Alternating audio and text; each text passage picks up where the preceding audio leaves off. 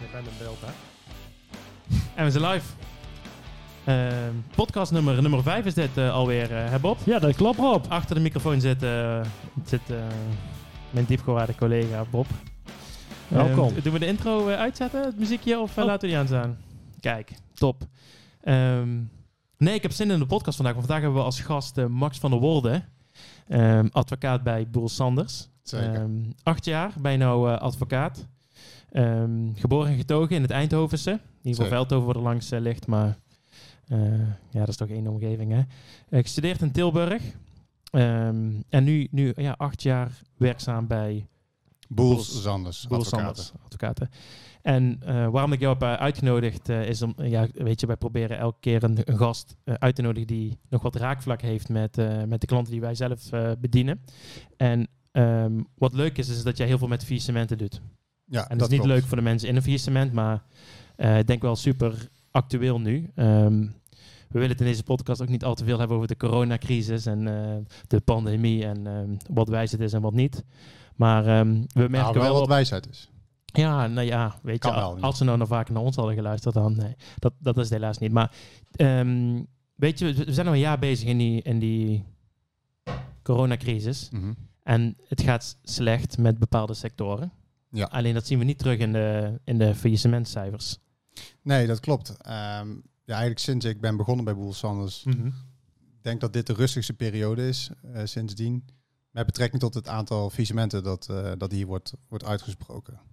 Dus ja, het kan wel zijn dat, eh, dat bepaalde sectoren al, al hard getroffen zijn, zoals de, de horeca. En er gaan ook echt wel bedrijven failliet. Ehm, maar de financiële problemen die leiden in ieder geval nog niet in juridische zin tot ja, faillissementen die door de, door de rechtbank worden uitgesproken. Mhm. En eh, waar curatoren worden, worden benoemd. Mhm. Dus, dus heb je dan ook nou rustiger op het werk dan, ten opzichte van normaal?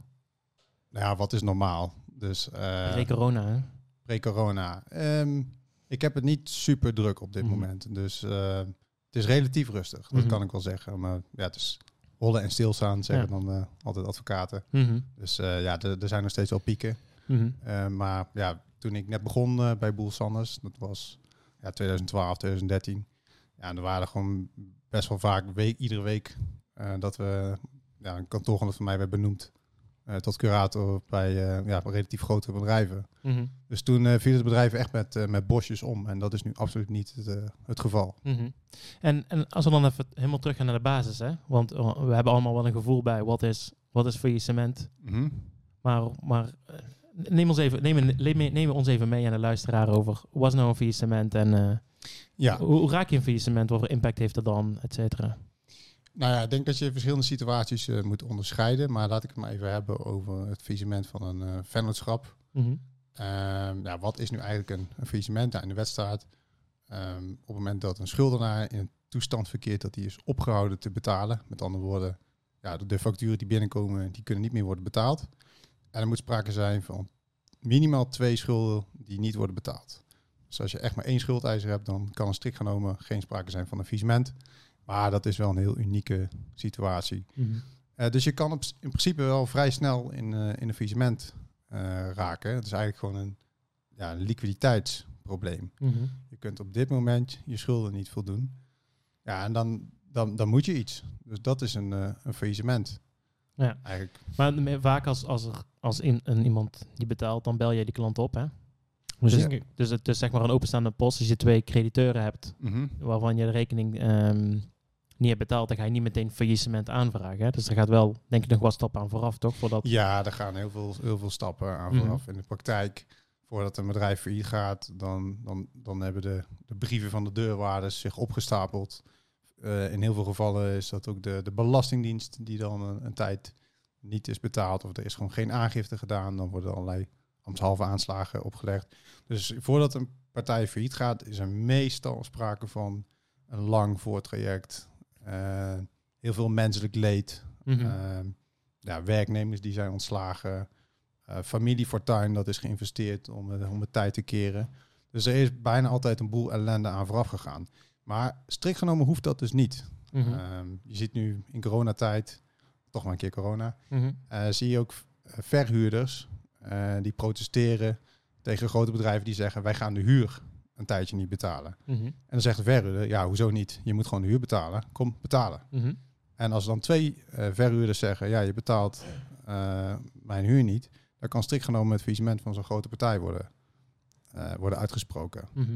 En daar heb je al wel allerlei ja, escapes voor en vaak dan, dan, dan kom je er dan wel uit. Want eh, dat is ook wel belangrijk om je te realiseren. Een faillissementsaanvraag wordt heel vaak ook gebruikt als incassomiddel. Mhm. Want een faillissement wordt meestal, of ja, je kunt trouwens op twee manieren een faillissement aanvragen. Je kunt zelf je faillissement aanvragen.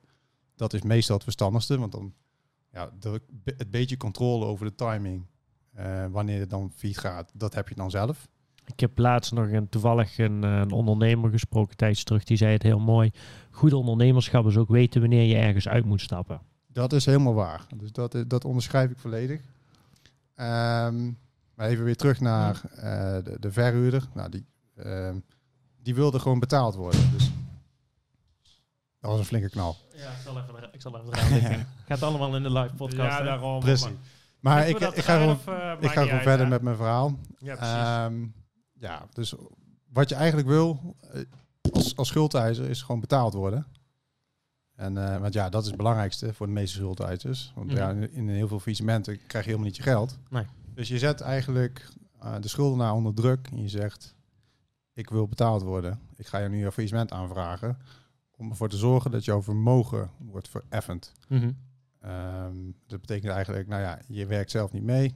Nou, als je in staat van faillissement komt te verkeren, of je wordt, jouw faillissement wordt aangevraagd door één of meer schuldeisers, en de rechtbank die is het ermee eens, er sprake van een faillissementsituatie, dan komt er daarna een curator en eh, nou, die gaat zeggen, die, die onderzoekt, oké, wat, wat is dit voor bedrijf?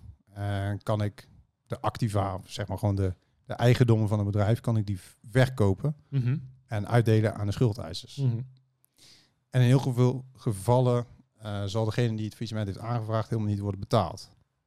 Dus wat gebeurt er in de praktijk? Heel vaak, ehm, ja, dan wordt het faillissement aangevraagd, er wordt daarmee gedreigd. En dan denkt die partij, oké, ik probeer het te regelen. En dat betekent vaak een percentage betalen, om maar een stukje tijd te winnen. Maar precies wat Bob zegt, eh, er zijn heel veel partijen die gaan daar veel te lang mee door. Ja. Eh, Maar ook de, ik kan me ook voorstellen dat er dingen te vroeg gaan. Dat er gewoon twee ongeduldige schuldeisers zitten die gewoon een faillissement aanvragen. Terwijl het niet zozeer is dat die organisatie niet kan betalen, maar dat hij niet wil betalen. Komt, komt dat ook nog regelmatig voor? hè? Want, je, want ik hoor je zeggen, als er twee schuldeisers zeg maar, samen ehm, vinden dat iets betaald had moeten worden, dan kunnen ze een faillissement aanvragen voor een bedrijf. Ja, nou, het zal wel voorkomen. Mhm. een, eh, een, een typisch geval waarin betalingsonwil eh, een rol kan spelen, dat is bij aanhoudsgeschillen. Mhm. Ehm, ja, ja, in faillissementen komen allerlei situaties voor. Maar toch in het gros van de gevallen waarin, in ieder geval, ehm, ja, ik heb ge- heb- dat die ik ben tegengekomen, zeg maar, daar is echt wel sprake van, eh, van financiële problemen. En eh, ja, je hebt mensen die ontkennen dat er financiële problemen zijn. Maar heel vaak als je dan de boekhouding ziet, denk je van ja, er zijn ook wel problemen. Want eh, Ja. ja. we hebben de bezittingen, we, er, komt niet echt, er komt niet genoeg geld binnen. En er moeten wel dingen betaald worden. Mhm. Dus Ja, ik dat- had, ik had zelf ook vroeger eh, sommige klanten die dan uiteindelijk in faillissement kwamen, waarbij Mhm. de directie zat en dat je zag dat er heel veel verlies werd geleden. Dat eh, zeg maar wat winst zou moeten maken. In ieder geval wat je dan hoort als je binnenkomt. ja. Van ja, we draaien goed, de omzet gestegen. Je kijkt naar de boeken dat ze verlies hebben. En dan is het gevaarlijkst als je naar de directie gaat en je vraagt... Hoe, hoe gaan we eruit komen? Dat ze dan zeggen, hoe- waar heb je het over? De, de omzet is gestegen en, en, en als we verlies hebben gemaakt, dan, dan kloppen de boeken niet. Want ik weet dat we winst hebben gemaakt. Dan hebben we een groter probleem dan als iemand binnenkomt. Ja, het is dit, oh, verschrikkelijk. Eh, we hebben even drie, die drie klanten gehad die niet hebben betaald. Die klant is weggevallen. Maar als je goed op de kosten let, dan komen we er misschien wel uit. Bij de laatste geval was er meestal wel een, een, een weg uit. Mhm. En bij een, zeg maar een, een, een directeur die zelf ook een beetje kwijt is van hoeveel, hoe, hoe goed draait mijn club eigenlijk, dan wordt het gevaarlijk. Hè? Op het moment als, eh, als ze niet eens weten wat, wat voor problemen ze zitten. Maar bedoel je dan de, de situatie dat iemand het ontkent? Of denk je de gewoon mensen die het echt niet weten? Of allebei? Of? Ja, weet je, ik probeer mezelf nog maar aan te praten dat ze het, eh, dat ze het, dat ze het echt niet weten. Want als je Ja, het dat ze ontkent, niet liegen. dat ja, dat ze niet liegen. Moet uitgaan hè, van, Ja. van mijn moeder dat ze nooit liegen. Ik vond het trouwens zelf ook wel een hele goede die je aangaf, eh, Max, dat het een, eh, bedrijven niet kunnen voldoen en in, dat het een echt een liquiditeitsprobleem is. Hè? Dat is denk Ja. ik ook wat wij veel bij onze klanten zien, dat ze Ja. dat zich lastig voor kunnen stellen. Eh, dat ook als je heel goed draait, kun je failliet gaan. En de basis. Nou, dat, dat, dat inderdaad. En dat zie je steeds, dus vooral bij groeiende ondernemingen. Dan heb je Ja. net een paar betalende klanten. Dan denken ze, oké, nou moeten we groeien. En dan gaan ze groeien, dat betekent veel investeren. Of te groot project. Of een te groot project. En dan, en dan stokt het een beetje, niet erg, maar een beetje. En dan ineens zakt de liquiditeit in elkaar. Ja. Want de mensen moeten gewoon betaald worden.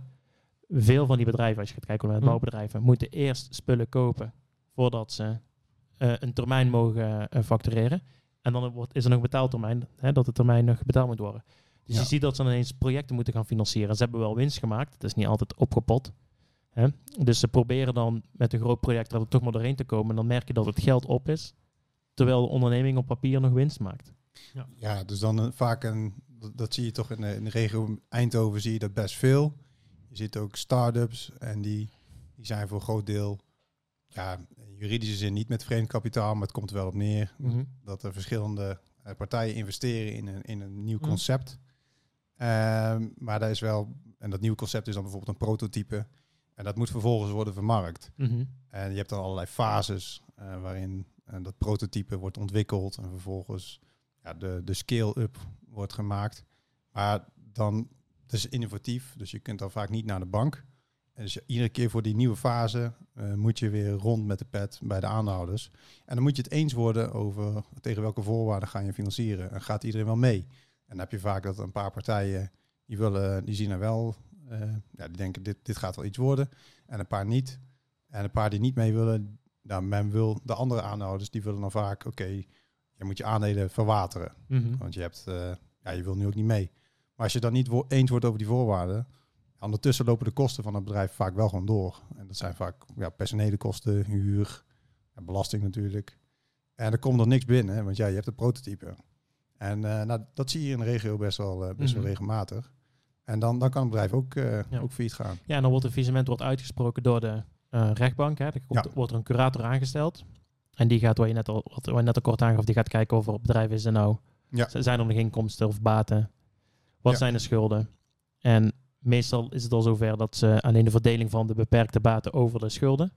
Maar niet zozeer dat, ehm, dat alle schulden dan afbetaald kunnen worden. Maar het zal ook in bepaalde gevallen wel zo zijn dat, dat er faillissement wordt uitgesproken. En dat uiteindelijk blijkt dat in ieder geval een groot gedeelte van de schuldeisers nog wat geld krijgen. Dat komt voor. En, en, en kun je ook iets zeggen over hoe vaak komt het nou voor dat de faillissement wordt uitgesproken en dat het uiteindelijk toch zo'n bedrijf nog, zeg maar, toch overleeft? Dat hij door kan gaan? Je ziet natuurlijk wel veel van die doorstarten, maar dan wordt een, een stuk verkocht, toch? Dan, Nou, je ziet, je ziet twee, eh, ik kan twee situaties onderscheiden. Je hebt partijen die zich met succes verweren eh, tegen een faillissementsaanvraag. Of, of vervolgens in hoger beroep komen. En wat die, maar wat die dan moeten aantonen is dat ze wel aan hun lopende verplichtingen eh, moeten voldoen. Mhm. Ze moeten laten zien, ik kan wel, wel degelijk alles wat ik nu moet betalen, betalen. En dat gebeurt niet heel vaak. Nee. De andere situatie, wat jij noemt de doorstart, ja, dat is wel een, een heel belangrijk eh, iets. Want een van de belangrijkste dingen die wij doen, zoals een van onze curatoren wordt benoemd, tot curator eh, van een onderneming, ehm, vaak ook waar mensen in dienst zijn, dat is kijken of de onderneming als geheel eh, nog kan worden verkocht. Mhm. En ja, wat we dan eigenlijk proberen is, we proberen niet alleen de spullen te verkopen, dus niet alleen de assets, maar we proberen ook te kijken, is de naam, is de goodwill eigenlijk nog iets waard? Is er nog bereid om, om zeg maar het, het geheel van deze onderneming, eh, de poppetjes, in één keer over te nemen? Mhm. Ehm, en ehm, ja, dan proberen we dus de hele onderneming te verkopen. En het voordeel daarvan is ook dat de werkgelegenheid eh, voor een groot deel behouden blijft. Mhm. Dus wij streven er vaak naar om, eh, om de onderneming te verkopen. En dat heeft ook een voordeel ja, voor de curator, maar ook voor, voor de schuldeisers. Namelijk, goodwill kan je, in ieder geval dat is de heersende leer, goodwill kan je niet verpanden. Mhm. Dus dat betekent dat dat niet toekomt aan de pandhouder. Want in de, laten we zeggen, 90% van de faillissementen zijn bijna alle eigendommen verpand Mhm. aan een bank. Mhm. Maar, ehm, Maar de dus- goodwill is niet. Dus dat is wel. Dat is dus de goodwill nog niet. Maar wij proberen dus heel vaak te kijken, is, is zeg maar de onderneming nog levensvatbaar? Mhm. Is er nog genoeg vertrouwen met een aantal klanten eh, om, om door te gaan met deze club mensen? Daar komt het dan vaak ook op neer. Maar, maar een bedrijf is ook heel vaak een, of een bedrijf is ook een mix van allemaal afspraken en verplichtingen die ze hebben ten opzichte van anderen of die anderen met hun hebben. Al begrijp ik dan goed als je zeg maar de naam of het, of het concept zou kunnen verkopen. Kun je, dat dan, kun je dan wel andere verplichtingen daarvan losknippen? Dus ik kan, kan, stel je voor, je hebt een, een, situatie dat eh, een bedrijf eh, drie vestigingen heeft. Hè? Ja. Ehm, drie ehm, huurcontracten zitten daarin. En de derde huurcontract per ongeluk op de top van de economische groei eh, afgesloten. Die is heel erg verlieslatend. Dat je dan zegt, oké, curator, ik wil alles kopen. Of ik wil de onderneming overnemen. Maar dat huurcontract wil ik niet. En dat huurcontract wil ik ook niet. En die Ja. andere, die, die hou ik wel. Mag dat dan? Nou, de, eh, het belangrijkste antwoord op jouw vraag is eigenlijk ja, je mag in principe cherrypicken. Daar Mhm. zitten weer allerlei haken aan ogen aan.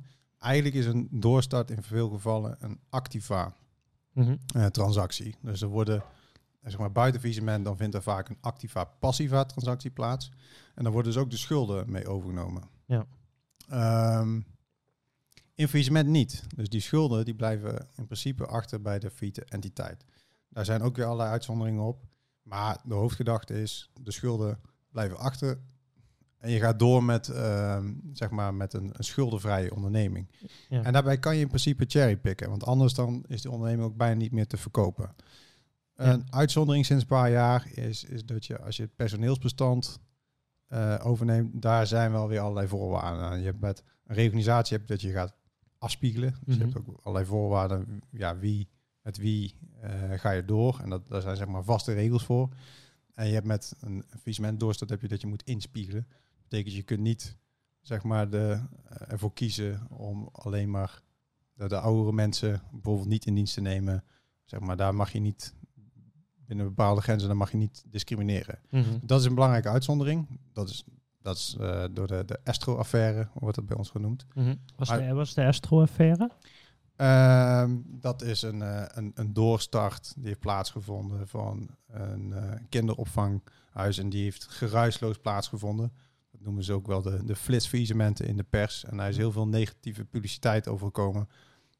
Want er wordt gezegd, ja, daar wordt onze ontslagbescherming is daarmee omzeild. En er zijn dus die discriminatie, wat ik Mhm. het- dat is even plat gezegd, zo, zo wordt het eigenlijk niet te noemen. Ehm, ja, die, ehm, ja, die is daar wel toegepast. Vinden in ieder geval een aantal vakbonden. En die hebben daarvan gezegd, ja, dit moet niet kunnen. En die hebben uiteindelijk ook gelijk gekregen bij de Europese rechter. Ja.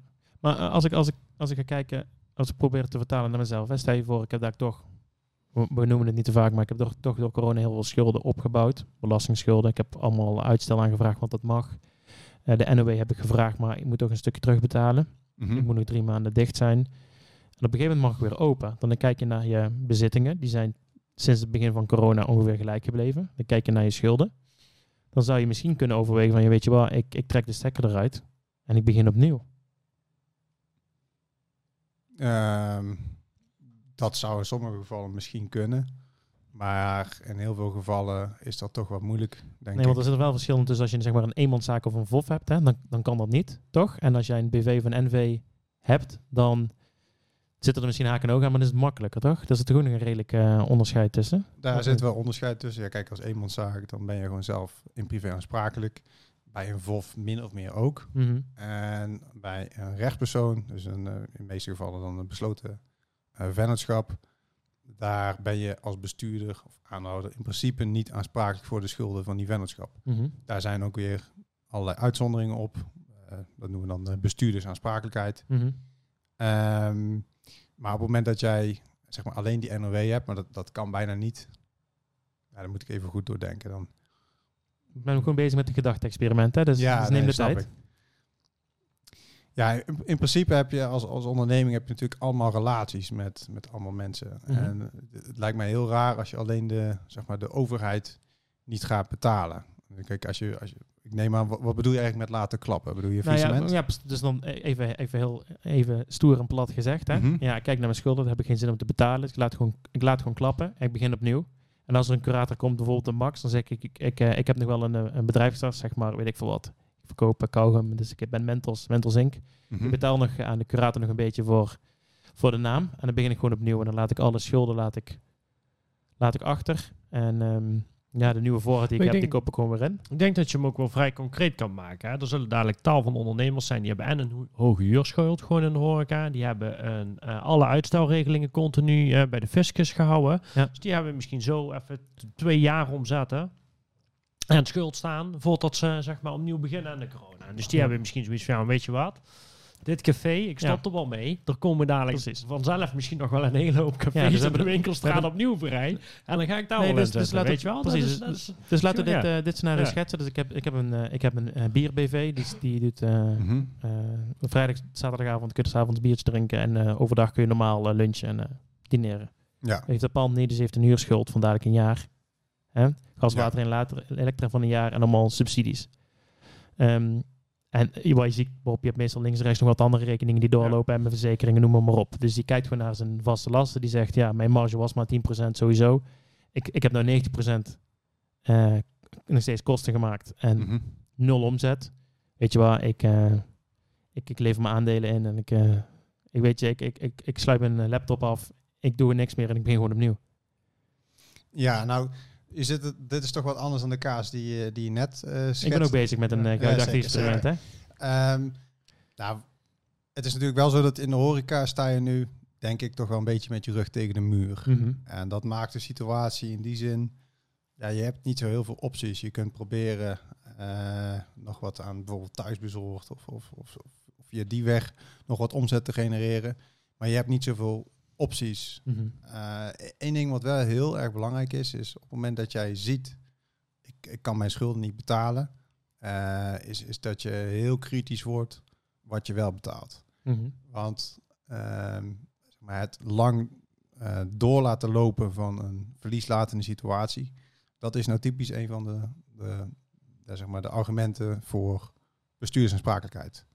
Het kan niet zo zijn dat terwijl dat jij weet dat jij op omvallen staat, dat je dan vervolgens nog vrolijk allerlei ehm dat zeggen, transacties eh, verricht. Zou je dan ook nu eh, mensen echt adviseren, zeg maar, die in die situatie zitten, om goed te documenteren wat ze aan het doen zijn en welke afspraken ze eventueel met leveranciers aan het, eh, aan het maken zijn en de contactmomenten die ze zoeken? Of, of Het lijkt mij sowieso, ongeacht de financiële problemen, altijd een heel goed idee om je afspraken, mits die rechtmatig zijn Ja. natuurlijk, om die goed te documenteren. Want het is altijd heel moeilijk om achteraf te zeggen, wat heb ik ook alweer twee jaar geleden besloten? Hm. Wat waren mijn overwegingen om die vordering wel te betalen en die vordering niet? Ja. ja, ja. Want mag je daar eigenlijk wel kiezen? Ik heb, ook- ik, de, de gerucht in de markt gaat ook dat je eigenlijk niet mag kiezen welke rekening je eerst betaalt. Hè? Dus dat Nou- je gewoon wie het eerst komt, wie het eerst maalt-achtig principe hebt. Nee, wie het eerst komt, wie het eerst, eerst maalt, is zeker, zeker niet eh, de... Ja, dat is wel hoe het in de praktijk natuurlijk gaat. Degene die Mhm. het hardst schreeuwt, die betaalt in de praktijk denk ik vaak als eerste. Maar eh, wat Bob net al aangaf, is je hebt nu te maken met die uitstelregelingen van de Belastingdienst. En je hebt in een faillissement, maar ook daarbuiten, heb je een wettelijke rangorde voor eh, de voldoening van schulden. Nou, die ga ik niet helemaal in detail hier Mhm. uitwerken, maar neem maar even van me aan dat de Belastingdienst die staat heel hoog in dat lijstje. Mhm. Samen met de pandhouder het UWV voor allerlei premies. Daar kunnen we straks nog wel even op terugkomen. En eh, de beloning van de curator, want die wordt ook betaald uiteindelijk zeg maar, uit de opbrengsten van het faillissement. Op het moment dat jij als eh, schuldeiser handelscrediteuren bijvoorbeeld gaat betalen, die vaak het hardste schreeuwen, zeker nu, Mhm. ehm, dan doorbreek je eigenlijk voorafgaand aan het faillissement die wettelijke rangorde. Precies. En dan, dan kan je onrechtmatig handelen jegens de andere schuldeisers. En Mhm. vaak ook ja, zeg maar, richting de Belastingdienst. Maar ik zal in de praktijk veel voorkomen. Hè? Dit zal in de praktijk veel voorkomen, Ja. dat denk ik ook. En wat, wat gebeurt er dan? Nou, ik durf niet te voorspellen wat er Mhm. eh, nu gaat gebeuren met al die fiscale vorderingen. Want eh, wat je normaal gesproken hebt, is op het moment dat jij voorziet dat je je belastingsschulden niet kunt betalen, dan moet je melding betalingsonmacht doen. Ik denk Ja. dat jullie dat ook wel eens, of zeg maar je klanten hebben geadviseerd om dat te gaan melden. Nou, met name die, we hebben een corona-uitstel wat wel, wat op zich een, een fijne regeling is hè, voor eh, ondernemers. Dat ze gewoon even de belastingafdrachten Ja, kunnen, ja, kunnen staken. Kunnen Ja, uitstellen, maar, kijk, normaal gesproken is dat wel een heel overzichtelijke regeling. Dat Mhm. is gewoon, als je niet hebt gemeld, dan ben je bijna altijd aansprakelijk. Ja. Er zijn wel eh, wat uitzonderingen, maar dat, die zijn wel moeilijk. Mhm. En dus dat wordt normaal gesproken vrij hard geïncasseerd. Mhm. In ieder geval is mijn ervaring. Met de Belastingdienst. Door de Belastingdienst. ja. ja. Ehm, en ik weet niet hoe, hoe dat er straks uit gaat zien. Dat, eh, eh, dat weet ik niet. Nee. Dus daar, ga ik, ja, daar kan ik ook moeilijk voorspellingen Ja. over doen. Wat ik wel verwacht is dat er in ieder geval dit jaar op enig moment een kentering gaat eh, ontstaan. Want kijk, de Belastingdienst die laat nu toe eh, dat er wordt uitgesteld. Maar op enig moment zal er een keer eh, een moment moeten komen. Of ja, moet, dat of wordt kwijtgescholden of dat er eh, wordt besloten, ja, we gaan nu toch maar eh, voorzichtig of hard incasseren. Ja. Dus hoe dat verder uit gaat zien, dat, dat durf ik niet te zeggen. Mhm. Maar dan, dan gaan er wel bedrijven met hun rug tegen de muur komen te staan. Ja. En als die bijvoorbeeld in de tussentijd bepaalde rechtshandelingen hebben verricht, waardoor de Belastingdienst is benadeeld. En daarbij kun je denken aan mensen die, uh, nou, dat zou wel heel extreem zijn, zichzelf dividend gaan uitkeren, terwijl dat er nog een gigantische uh, fiscale schuld is. Of uh, ja, die een managementvergoeding of een salaris enorm gaan verhogen. Mhm. Allerlei gekke dingen. Of nog familie gaan aflossen. Mhm. Dat is denk ik ook iets wat wellicht gaat gebeuren. Misschien dat begin bij, bij begin corona hebben mensen geld geleend. In de veronderstelling. Komt er uh, goed? Het hè? komt wel goed. Ik heb even een overbruggingskrediet nodig. Nou, uh, er wordt even door familie wat geld overgemaakt. En dat kan om grote bedragen gaan. Um, en dan is het niet altijd heel duidelijk wat die afspraken zijn. Nou, dat is dus wat Bob net al zei. Zorg dat je afspraken helder zijn. En in heel veel gevallen is het toch wel verstandig om daar een jurist uh, bij te betrekken als het Mhm. om serieus geld gaat. Sowieso algemeen. Altijd. dit is Ja, tuurlijk. wel even, even een hele belangrijke. Dus jij zegt eigenlijk van, joh, luister, dadelijk, let nu vooral dadelijk op. eh, als die nieuwe, dadelijk gaat er een hele hoop bekend worden over de, in de regeling, hoe de overheid dit op gaat pakken. Hè? Dus die nieuwe, Mhm. eh, de aflossing en hoe dat gaat. En let dan vooral op, op wat, ja, wat je eigenlijk gaat, dat je niet zomaar even wat gaat lopen doen, met name ten aanzien van je eh, familie. Eh, je eigen privé situatie. Als je even tussentijds gaatjes hebt gedicht met, met de relaties om je heen, zeg maar. ja. Dat je er echt even goed over nadenkt voordat je welke stappen je gaat ondernemen. Ja, daar, daar, dat in ieder geval een algemeen advies dat ik Ja. ook kan geven. Zorg dat je dat op een weloverwogen manier doet en ook Ja. dat goed documenteert. Mhm. Maar weet ook dat op het moment dat jij al geld hebt gegeven en je hebt daar geen nette afspraak bij gemaakt, Hm. dan is dat onder de omstandigheid dat je dus eh, nog een enorm, enorme fiscale schuld hebt of een schuld aan Mhm. een verhuurder of Mhm. een schuld aan een brouwer of aan een, eh, ja, maakt niet uit wat eigenlijk. Ja, dan, dan kom je in een gevarenzone op het moment eh, dat je daarna denkt, ja, maar die andere partij die staat van mij wat verder op afstand. Ja. Ik bedoel, daar heb ik wel een boel geld van geleend. Maar goed, daar kom ik niet op de koffie, daar ga ik geen biertje drinken. Ja.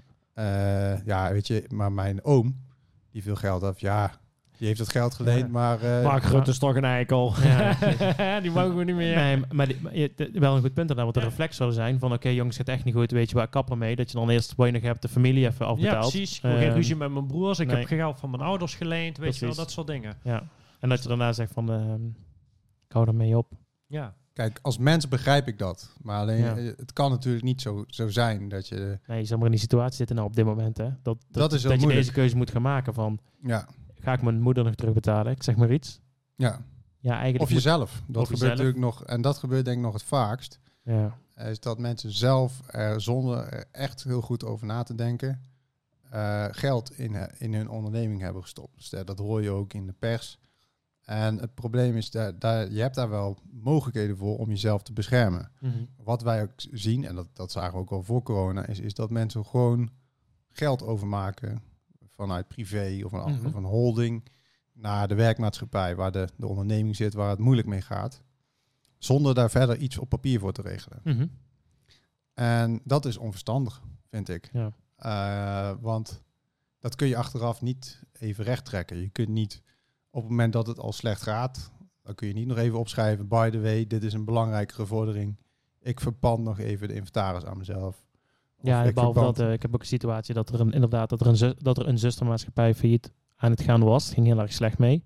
Heeft een, een andere zus heeft even geld overgemaakt om de liquiditeit te dichten. Mhm. Nou, mislukt. En het ging om, eh, om een groot bedrag, zeg maar. Dus dat geld waren ze kwijt. Hè? Dan dachten Ja. ze, nou ja, oké, weet je wat, we hadden misschien beter. En dan komt de Belastingdienst langs en die zegt... Wie gaat er nou in, in godsnaam geld geven aan een, eh, aan een zustermaatschappij die verlieslatend is... zonder daar afspraken over te maken?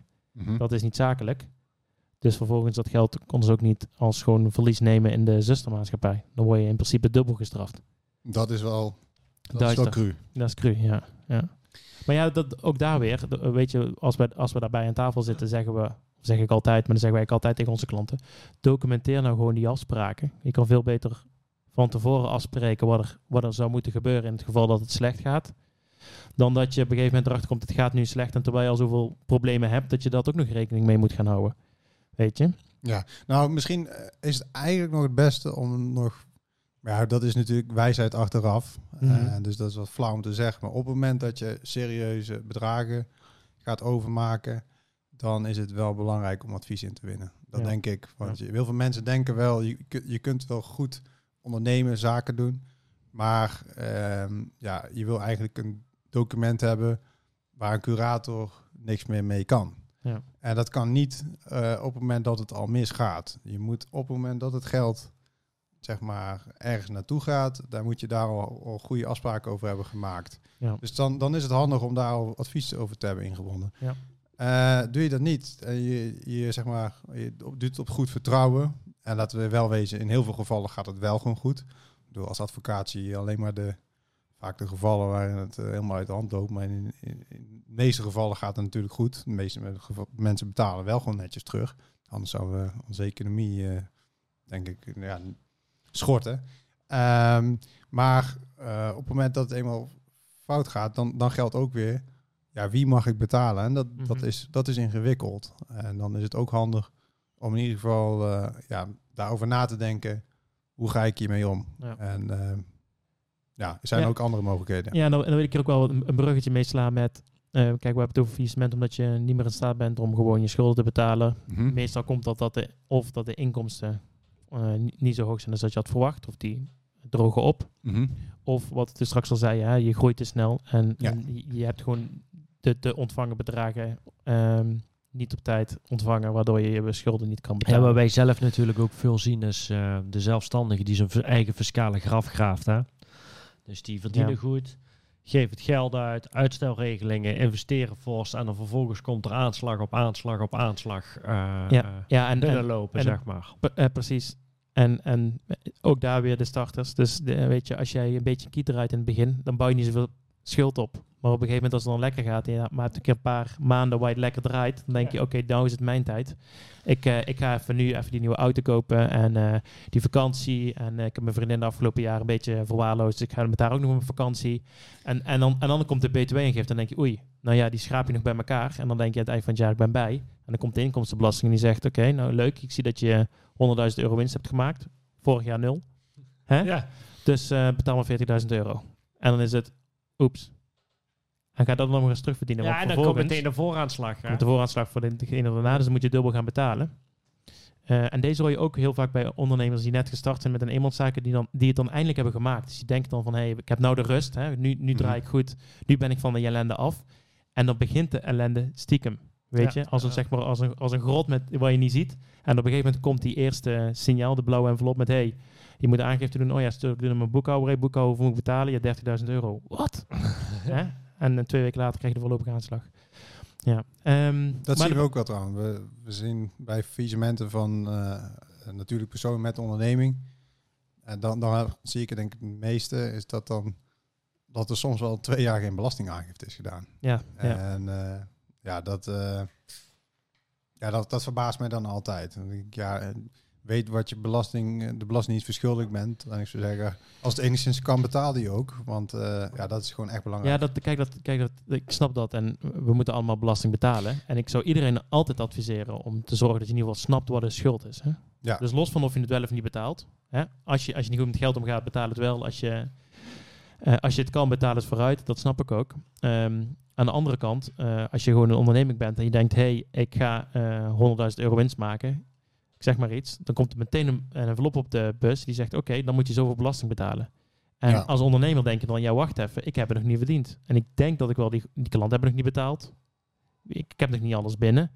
Ik, ik wacht wel even. En dan vind ik ook een natuurlijke reactie. Maar wat ik, wat ik zelf eigenlijk onbegrijpelijk vind, kijk ook even Bob aan, wat ik onbegrijpelijk vind als mensen niet eens weten wat de schuld is. dat is En- wel vaak. Ja, dat weet ik. Wij hebben ook bij ons nou proberen wij het ritme bij Ja. onze klanten erin. te- Dat is elke week. En dat is maar grof inschatting. Hè? Nou, redelijk accurate, veilige inschatting eigenlijk. Waarbij we elke week rapporteren op basis van wat we nu hebben. Dus dit is je omzet, dit is je resultaat. Hè? Dan moet Hm. je dit aan belasting betalen. En natuurlijk gaan we aan het eind van het jaar zitten om te kijken of er misschien nog een belastingregeling is voor, ehm, eh, weet ik voor wat, du- duurzame investeringen. Of eh, hebben we de auto wel goed ingericht. Dus zijn er misschien nog wat ziektekosten die je eraf zou, zou halen. Je hoopt natuurlijk van niet. Hè? Maar, maar je gaat natuurlijk de belastingbedrag wat je moet betalen aan het eind natuurlijk eh, nakijken om, om te zorgen dat het zo laag mogelijk is. Maar wij communiceren wel, wij doen het wekelijks, hè, van hey, grofweg is dit je schuld. En dat doen we ook vrij pontificaal als derde KPI. Hè, dit is je omzet, dit is je winst, zoveel staat op de bank en dit is je belastingsschuld. Dit zijn je besteedbare middelen. Dit zijn je Het besteedbaar. Ja. wordt dat je eigenlijk van je bankrekening Ja, kunt uit. want het is lekker als je kijkt op je. eh we hebben, er kan ook de zakelijke rekening staan ook gewoon op de mobiel. Als je bent ondernemer, je doet de rekening staan, oh lekker, er staat eh, 20.000 euro op. Dan is het nogal snel om te denken, oké, die kan ik dan ook uitgeven. Maar Ja. Dat, eh, dat is niet zo. Maar daar wil ik eigenlijk niet, niet naartoe. Waar ik, eigenlijk- waar ik eigenlijk ook naartoe wilde gaan is, eh, we hebben het over documenteren. Kijk, je, hebt dan, je- bent dan zelf een ondernemer, je komt iemand anders tegen. Dan ga je een VOF eh, met z'n tweeën doen. Hè? Dan ga je naar de Kamer van Koophandel, dan ga je erheen. Mhm. Dan doe je, hey, we hebben een goed idee, we gaan dat doen. Dan na een jaar kom je erachter.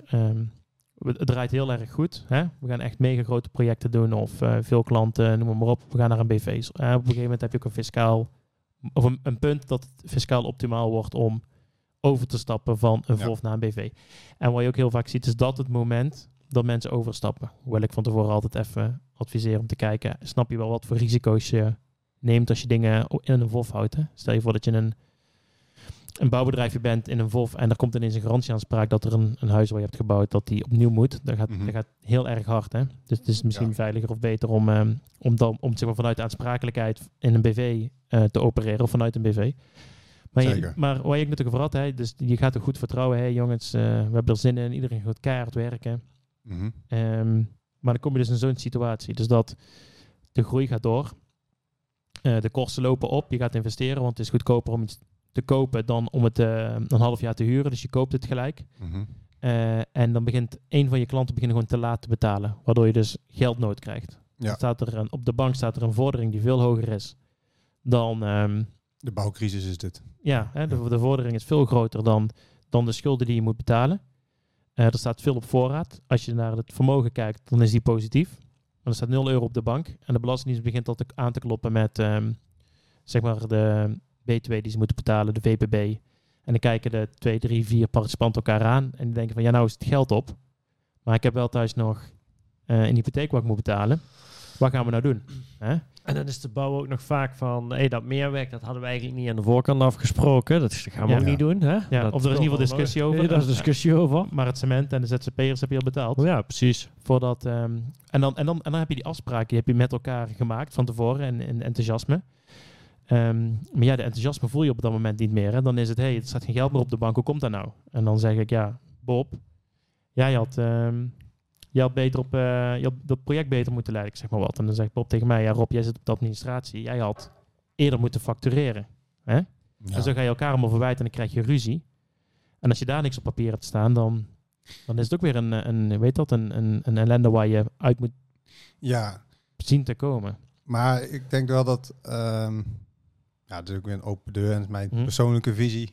Zoals alles wat ik, eh, wat ik nu zeg. Maar ehm, ja, het belangrijkste is, is dat je met elkaar blijft praten. Mhm. Ehm, je ziet ook vaak bij, bij aandeelhoudersverschillen. Ja, dat mondt best wel vaak uit in, eh, in een faillissement van Ja. de, de vennootschap waarvan die aanhouders aanhouder eh, zijn. En op het moment dat je allemaal gaat vingerwijzen, dan ben je niet bezig met de Ja. oplossing. Ja, de tweede open deur die je dan toe zou moeten voegen is, blijf altijd rustig. Hè? En, Ja. en dan gaat niet op het moment als er iets gebeurt waar je niet snapt, meteen eh, de telefoon of de e-mail pakken en eh, je frustraties Ja, en wat, wat, documenteren. hè? Hoe, hoe, eh, wat, wat, wat- hoe hou je het eigenlijk, dat documenteren dan ook een beetje praktisch? Ik denk dat daar worstelen wij ook mee, weet je wel. natuurlijk. Eh, natu- ja, maar ook gewoon, ga je hele proces maken? Wat, wat is een beetje Nee. proef? Wat, wat adviseer je, weet je wel? Want vaak is het ook vaak iets waar mensen Ja, gewoon maar, maar zin laten, we- laten we hebben, beginnen bij het begin, hè, Ja. denk ik. Mijn advies zou zijn, en ik ben, ben- ik, kijk, dan ga ik nou, ehm, ik ben niet aansprakelijk voor wat je nou gaat zeggen. Maar ik ga het toch even laten toetsen. Maar mijn advies is altijd, op het moment dat je een samenwerking aangaat, hè, documenteer gewoon de basisdingen. Hoe lang ga je werken? Wie doet wat? Wat mag je van elkaar verwachten? Als er geld op de bank staat, hè? Ja. hoeveel geld mag je nou uitgeven? Waar heb je wel toestemming voor nodig voor de ander? Waar niet? Ehm, formaliseer dat ook. Hè? Dus ik zeg, ik zeg meestal, ik ben geen advocaat. Hè? Dus ik zeg altijd, als het, echt, als het echt gaat groeien, zou ik een advocaat erbij betrekken. Maar je kan wel gewoon zeggen, dan kunnen wij prima afspreken met elkaar. Bob, alles wat jij meer dan 1000 euro af, uitgeeft, daar doe je even een mailtje over sturen en dan stuur ik terug akkoord. En dan los van of het juridisch houdt, heb je wel gewoon meteen een ritme met afspraken. En over de, in de vorige podcast, Ja, Bob, hebben we het over ritme gehad. En als je, dan kan, blijf je wel betalen. Want op het moment als ik eh, me druk maak om een banksaldo dat die nul is, of bijna nul is, en Bob die koopt die van 10.000 euro, dan heb ik wel meteen frustratie. Dus als we dan een ritme hebben van, hey Rob, ik ga die kopen voor 10.000 euro, dan heb ik in ieder geval al een mogelijkheid om te zeggen, liever niet. Hè? Of, ja. En dan blijf je praten. En de tweede is dat ik in die overeenkomst die je van tevoren hebt afgemaakt, dus noem het een soort van managementovereenkomst of samenwerkingsovereenkomst, daar, daar neem je ook in op dat je in ieder geval notuleert eens per maand, als je bij elkaar zit om de cijfers door te spreken, van hebben we het gevoel dat dit klopt? ja. En, en zo nee, wat vind je dan dat er niet dat dat klopt en wat verwacht je van dan van de ander? Niet dat je alleen maar boos gaat worden en, gaat, en, en je mond houdt, dat niet notuleert en dan drie maanden daarna gaat zeggen, ja, maar jij was toen, jij was daar toen niet en dat komt door jou. Dus ik vind dat jij nou mij moet betalen daarvoor. Of, Ja. zoiets. Ik weet niet of het een beetje sens maakt. Maar daar zou ik mee beginnen, Bob. Hè? Van, hey, laten we beginnen met de, met, de, met de eerste afspraken. Om die, die met elkaar maakt bij de samenwerking, dat je die documenteert. Ja, nou dat lijkt me een heel goed begin. Ehm, wat wel echt heel belangrijk is, en dat is, dat is iets wat niet alleen in visementen eh, geldt, maar wat ik vaak zie ook bij eh, het opstellen van contracten, is, is dat mensen afspraken beschouwen als ja, niet noodzakelijk kwaad, maar alleen maar kwaad en iets wat juristen maar moeten regelen. En Ja. dat werkt niet. Eh, dus op het moment dat mensen vragen, maak maar een contract of iets dergelijks, dan is mijn vraag, ja, wat wil je eigenlijk afspreken? En het blijft mij op, opvallen hoe vaak je dan de reactie krijgt van, ja, jij bent toch advocaat? Ja. Wat moeten we afspreken? Ja. Kijk, ik kan me wat suggesties geven van, eh, nou, eh, aansprakelijkheid, eh, wie beslist wat. Ik kan zeg maar wat formaliteiten bedenken. Maar het allerbelangrijkste is dat je afspraken maakt die ook na kan komen en wil komen. En wat jij nu aangeeft, we komen maandelijks bij elkaar. Ja, dat soort afspraken zie ik ook vaak. En dat verslonst dan vaak al heel snel. Ja. En eh, kijk, als je kunt wel een overeenkomst hebben en dingen af hebben gesproken. Maar als je het vervolgens niet doet, dan wordt het eh, inhoudsloos en wordt de afspraak eigenlijk heel onduidelijk. Maar om toch even te bevestigen wat je eigenlijk omschrijft, is maak in ieder geval wat afspraken. Leg je na, dat vind ik een goed idee. Want je hoeft niet. Is dan ook less is more misschien? Dus- vaak wel, ja, Hè? zeker. Gewoon, gewoon, doe, doe er dan maar twee, maar zorg dat je ze nakomt. ja, kom tot de kern en hou het, hou het praktisch en houdbaar. Ik bedoel, heel veel mensen, zelfs heel veel juristen, die hebben geen zin om twintig kantjes met afspraken te lezen. En het, het is ook vaak niet nodig. Ik bedoel, ik zeg vaak, gebruik je boerenverstand. Ik bedoel, en eh, ja, vaak zijn een paar kantjes met duidelijke afspraken. Dat, dat moet in, in laten we zeggen, voor heel veel Ja. kleine MKB-bedrijven moet dat voldoende zijn. Ja. Nou, maar- maar dan ben ik naar Bob, hè, less is more. Ik, ik, ik ben het daar op zich mee eens. Ja, en ik denk... Sorry. Nee, ga je gang. Bob. Ja, en ik denk ook dat het heel belangrijk is van gebruik je boerenverstand. Het is ook belangrijk om te, eh, eh, erachter te komen dat jouw boerenverstand net iets anders is Zeker. dan mijn Ja. boerenverstand. En dat wat jij normaal vindt, eh, 1000 euro, dat we een afspraak maken dat ik misschien op 1500 zet. Weet Ja. je wel? Dat soort gesprekken zijn aan de voorkant gewoon ook wel heel belangrijk. kun je ook hè? vastleggen in een contract. Bijvoorbeeld als Bob en Nee, ik maar dat contract proces hebben. is ook heel belangrijk. Want eigenlijk als, Met Bob, elkaar. maar als, eigenlijk als Bob en ik allebei gezond boerenverstand gebruiken, dan heb ik toch gelijk. En ik Wil je dat op gaan Dus- schrijven? Dus eigenlijk dat als er twijfel is over het gezond boerenverstand, dat dat van mij, dat dat dan... eh, doorslaggevende stem heeft. Ja, nee. ja. Nou ja, ik- je kunt het opschrijven. Ik weet, niet, ik weet niet of het stand houdt. ja. Het wordt wel moeilijk om boerenverstand dan te gaan. eh, te gaan eh, wij noemen dat havelteksten. Het uitleggen van die... eh, Is er geen juridische jurisprudentie over, over Nee. wat boerenverstand is? nee, nee, nee, nee. En kijk, ik, ik zeg nu wel vijf kantjes. Maar op het moment dat je 20 miljoen gaat investeren... dan zijn het uiteraard geen vijf kantjes. Dan, dan zien de afspraken er heel anders uit. Ja, eh, ja, eh, ja. Dan wanneer je een, een vofje hebt. eh, Maar met, met het, Precies, dus- maar ik, ik, wil, ik wil toch terug naar die less is more hè, en, eh, en het verslonsen. Kijk, ik snap, ik, nou, ik snap, ik snap, ik snap het eigenlijk niet. Ik moet nou even streng zijn, streng, ik ben een strenge boekhouder nou. Oké, nou. Ik snap het eigenlijk niet. Ik vind dat jij ondernemer bent en je hebt heel veel dingen die dan op je afkomen. Dat je wel de discipline moet hebben om gewoon goede afspraken te maken, na te komen. En op het moment dat wij met z'n tweeën of met z'n drieën bedrijven hebben, Ja. Of sorry, met twee, met z'n drie een bedrijf hebben. En wij maken de afspraak, wij moeten eens per maand bij elkaar komen. Dan Mhm. als je jezelf ondernemer vindt, Ja. dan moet je daaraan houden. Of aangeven kan er niet aan. En Bob en ik hebben bijvoorbeeld een ritme over een plannerbord. Wij geven, plan, wij geven afspraken naar elkaar. Hey Bob, ik verwacht dat jij dit doet. En dan geef ik een tijdspad. En op het moment als Bob drie keer die afspraak niet nakomt, of ik, dan hebben we ook in het accountability gesprek die wij elke week hebben. Mhm. Dan zeggen we, ja Rob, ik snap dat je het druk hebt gehad, maar dit is iets wat hem echt prioriteit heeft. En op een gegeven moment kunnen we ook aan de bel trekken. Dat we zeggen, oké, nou vind ik echt dat je deze afspraken die we hebben gemaakt, Mhm. en dan hoop ik nog steeds dat hij blij is met mij als kampioen. Hè? Maar, maar op dat gedeelte van de afspraken die wij samen hebben, daar, daar verzaak je. En ik wil dat je dat eh, oplost. Ja. En dan moet je dan gewoon doen. En dan moet ik niet zeggen, ja, ik heb geen druk. Dan moet ik denken, oké, ik wil zo nodig een bedrijf beginnen. Ik moet gewoon de discipline hebben om, om het dan maar gewoon op te brengen. Discipline en vertrouwen. Want het is natuurlijk, zaken doen is, is, is vertrouwen. Hebben, creëren, behouden. Ja. En eh, dat is net zo belangrijk als de afspraken eh, die op papier staan. Op het moment, je kunt allemaal perfecte afspraken op papier eh, hebben staan. Of in ieder geval ogenschijnlijk perfecte afspraken. Maar op het moment Ja. dat je gewoon niet meer met elkaar door een deur komt, dan, ja, dan wordt het heel moeilijk. Ehm, maar even terug naar zeg maar het, less is more en eh, het maken van afspraken. Kijk, het belangrijkste is, is dat je dingen met elkaar bespreekt en, en, en dat het duidelijk is, eh, ook van tevoren, eh, wat je gaat doen als het een keer wat moeilijker wordt. Dus eh, je, ja, een overlegmoment alleen is natuurlijk niet, niet voldoende. Dus je, ja, je wil ook, als het even enigszins kan, ja, wil je afspraken hebben van, van ja, wat doen we als we, als we ruzie krijgen. Mhm. Zeg maar. dat, dat dat is het makkelijkst als je nog geen ruzie hebt. Het is eigenlijk hetzelfde als met, het- met trouwen, het, het bespreken van de huwelijkse voorwaarden of iets Ja, en dergelijks. toch heb je er wel eens op, heb je er wel eens op dates eh, proberen te vertellen, Max? Dat je zegt van... eh, Op ja, dates? oh, bijvoorbeeld, bij wijze van. Ja, gewoon, meteen de eerste, hè? Gewoon de eerste jaar. Je denkt van, ik ben eruit, na twee Wordt zinnen. het koude uitsluiting? Of, ja, koude nee, uitsluiting. Kijk, nee. en, en het grappige is, dat, dat komt toch nooit als romantisch over. Van, hey, goh, koude uitsluiting. eh weet je, het is beter voor allebei de partijen. Want als het misgaat, dan kunnen we maar beter gewoon zo snel mogelijk voor elkaar af. En dat doe ik ook uit liefde. Dus kunnen we bewaren in ieder geval van tevoren. Al, weet je, dat is toch anders. Je wil, je- het, voelt toch ongemakkelijk door te zeggen van... hey, we gaan nou een fantastisch... Oh, gouden bergen. Maar wanneer als het niet goed gaat. Maar ruzie voelt sowieso ongemakkelijk. Ja, En, eh, ja, sommige mensen leven erop. maar Ja, maar ik denk, ik ben er wel best wel Max eens. Eigenlijk met trouwen doe je dat, is dat vrij vanzelfsprekend dat we die afspraken maken. Met een ondernemerschap Ik weet niet, ik, eigenlijk denk niet dat zo Jeff, heel veel eh, Jeff ik denk dat Jeff, Jeff Bezos, toch een zakenman, dat hij ook zich heel erg ongemakkelijk voelde. Want die 30 volgens miljard mij- of zo was ja, die, die heeft toch niet tegen zijn vrouw gezegd van... hey, weet je wat, eh, gemeenschap van goederen, maar alles boven een miljard is toch voor mij. Had hij had hij kunnen zeggen, hè? Maar er is één belangrijk verschil, zeg maar. Of ja, misschien is dat niet het, hetzelfde bij een huwelijk en een onderneming. Maar wat ook heel belangrijk is, vind ik in ieder Mhm. geval, is kijk, eh, als jij als aanhouder ruzie gaat maken en je bent met z'n tweeën, dan is het heel vervelend. Maar in heel veel ondernemingen, daar heb je ook nog werknemers, Ja, ja, allemaal ja, andere ja, partijen. Lelijk. En, en die kunnen gedupeerd worden door je, door je ruzie. Dus je kunt dan.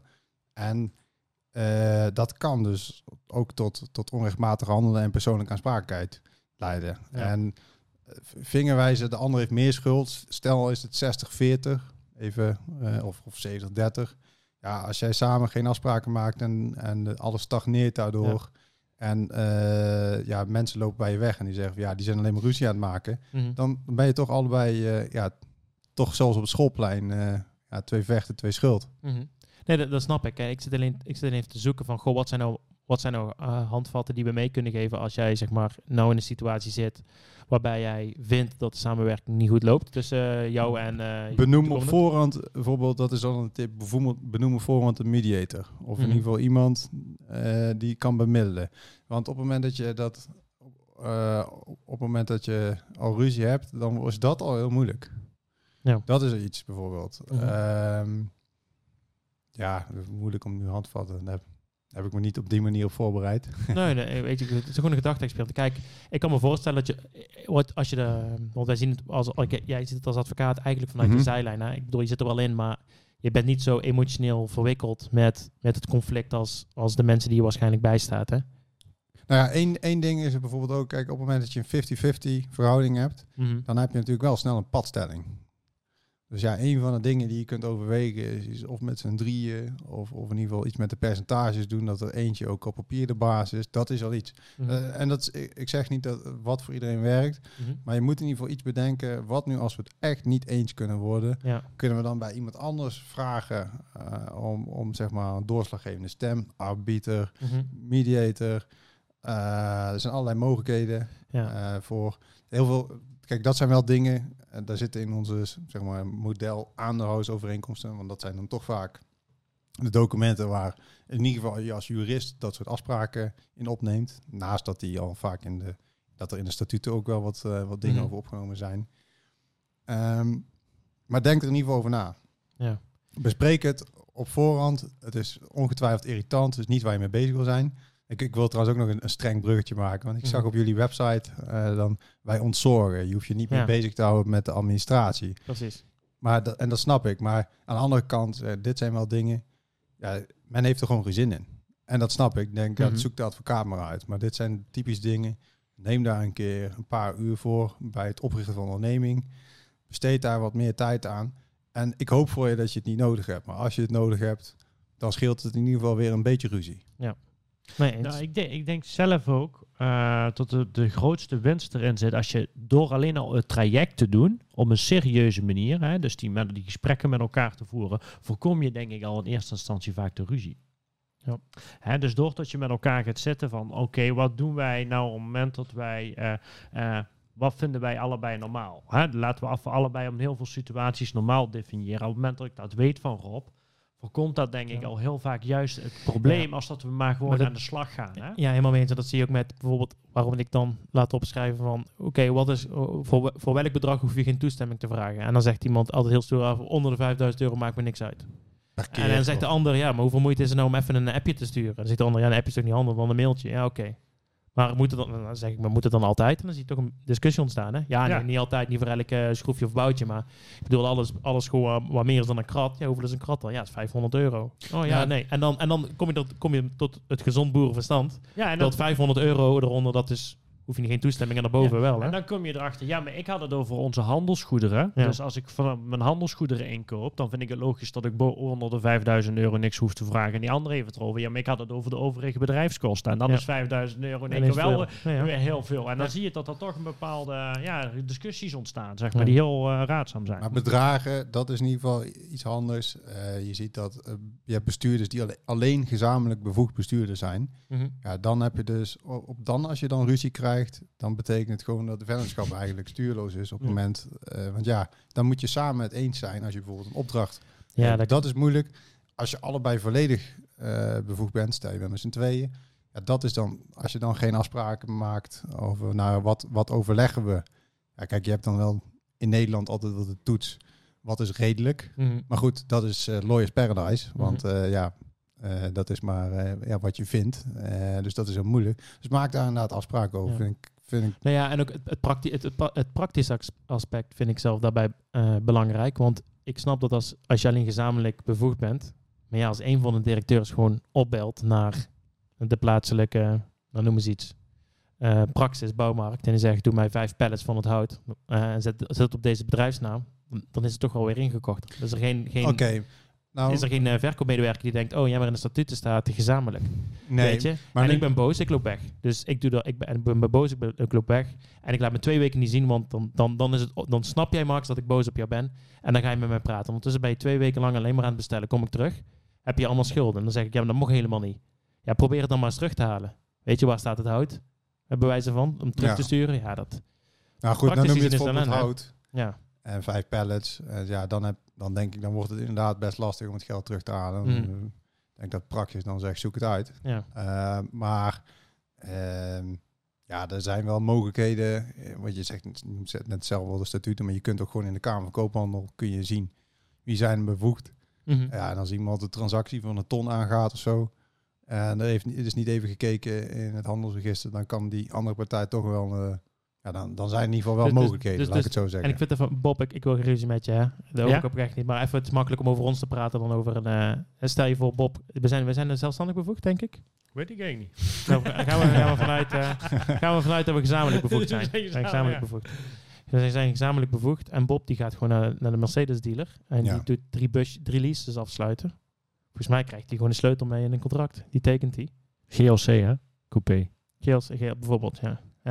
Oké. Eentje voor Max ook. Eentje van Eentje Max. Max. Ja, nou, dat is, dat Maar is ben je een beetje Mercedes-man? Even tussendoor. Ik Max Ik ben niet zo van de, van de auto's. Helemaal Nee? niet, oké.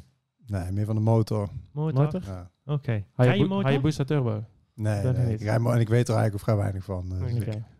Anyway, maar nou geen GLC, dan, dan moeten we maar aan Eva geven, denk ik. Ja. eh, maar, Jij geeft het, nou fijn. Ja. En de vriendin, ja, dat, dat is dan zo'n voorbeeld waardoor je ruzie krijgt, hè? ja. Dat gebeurt inderdaad vaak. Dus vaak kinderen van directeuren.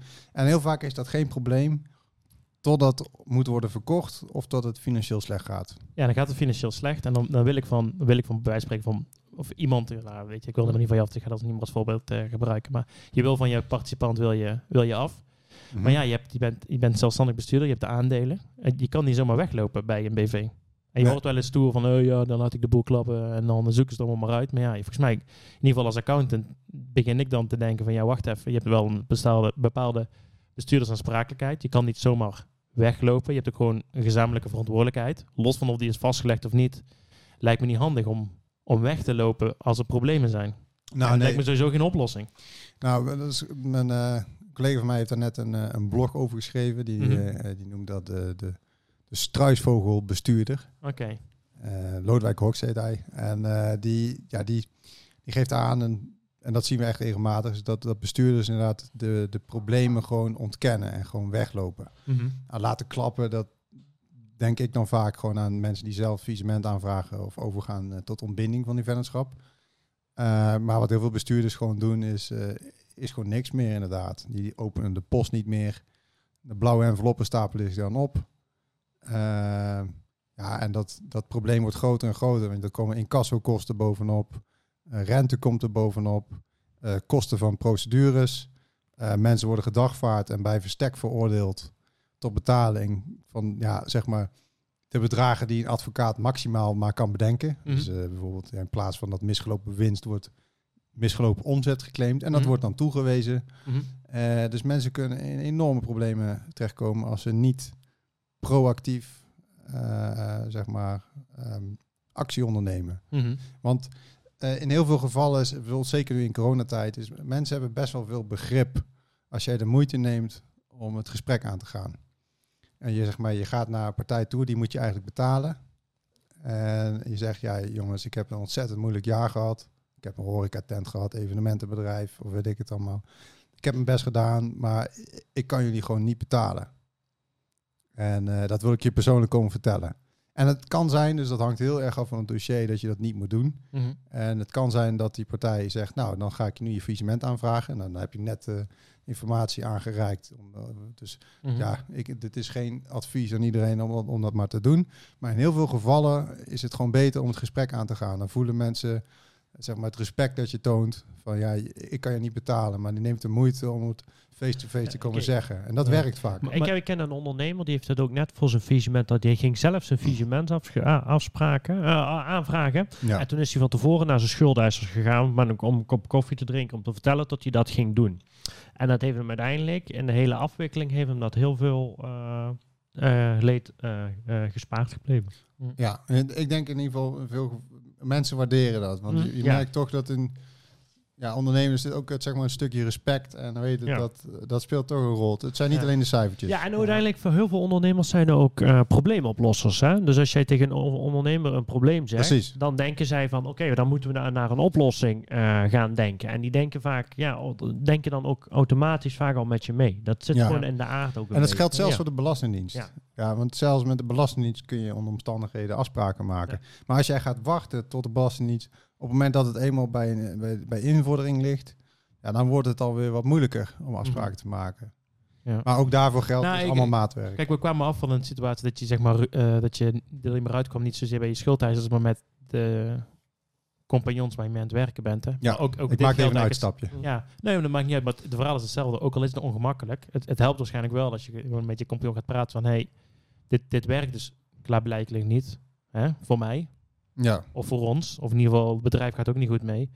En dan, dat je dan het eerlijke gesprek aan gaat. Misschien moet je dan maar zeggen van... het is misschien beter als we gewoon met z'n drieën op, Nou een, op een sympathieke manier ontmantelen. Meestal is de oplossing dat de een de ander uitkoopt. En het probleem daarbij is dat vaak het bedrag wat op tafel Ja. gelegd moet worden, is bijna nooit in één keer op tafel gelegd. Dus je zit bijna altijd met een earn-out. Ja. Of zeg maar ja, een koopsom die in termijnen wordt betaald op, op een of andere manier. Dus ja, je, je bent vaak toch een, in bepaalde mate daarna nog naar, tot elkaar veroordeeld. Ja. Dus het is des te belangrijker dat je elkaar in de ogen kunt blijven Ja. aankijken. Maar dat kan heel moeilijk zijn. Hè? Je bedoel, ja, onder sommige, sommige omstandigheden dan, dan kun je elkaars bloed waarsch- waarschijnlijk wel drinken. En dan, dan is het makkelijker gezegd dan gedaan. Even, ga maar even zitten en... eh, Ja, Ja, en zeker als ja. dan de administratie niet op orde is. Hè? Kijk, Ja, want dat- dan, eh, ja, de winst, eh, dat is eigenlijk een klein winstje, maar in het hoofd zit dat er een miljoenen winst wordt gemaakt. Dan eh, levert het allemaal... Dan heb je eh, de, dan heb je de struisvogel weer. Dus heb je iemand Ja. die weg is gelopen. Die vond juist dat, dat alle verliezen de schuld is van iemand anders. En zijn hoofd denkt hij überhaupt dat er nog heel veel winst is gemaakt. En die komt tot de conclusie, ja bedrijf, er staat geen geld op de rekening. Ja, hoezo niet? Waar is al het geld gebleven? Ja, we hebben geen winst gemaakt. Ja, hoezo niet? Ja. En dan, en dan ja, ik, ik kan er wel uitkomen, maar ik wil X. En zegt die andere, wacht even. En ik denk, ik denk dan altijd, en zo zeg ik het dan ook van, ja, goh, als je dat dan eist, Mhm. en je wil één iemand uitkopen, ben je ook bereid om dat betalen om- hem uit te kopen. Of je zit met z'n met z'n vier in een bedrijf. Dat Ja. je dan zegt van, hé, hey, jij, jij, jij eist X, maar wil je 4X betalen om heel die club over te nemen? Nee, nee, nee, nee. Ja, nee, maar hij heeft het verkloot. Ja, dat, dat snap ik wel, maar dat is geen indicatie hoeveel zijn onderneming waard is, hè? Als je het over wil nemen, of als je uit Nee, maar dat- waar, wat dan vaak moeilijk is, is bedoel, wij zijn adviseurs. Ik denk dat we hebben andere inslag, maar wij snappen dat. Maar het is wel vaak moeilijk om dat uit te leggen aan. eh, weet je, er zit gewoon een heel brok emotie Ja. zit er dan in. Ja. En het uitleggen van ja, maar hij heeft het verknald, dus hij moet maar ervoor opdraaien in de vorm van een lagere koopsom of een hogere Ja. koopsom. Eh, ja, dat, dat blijft gewoon wel heel moeilijk.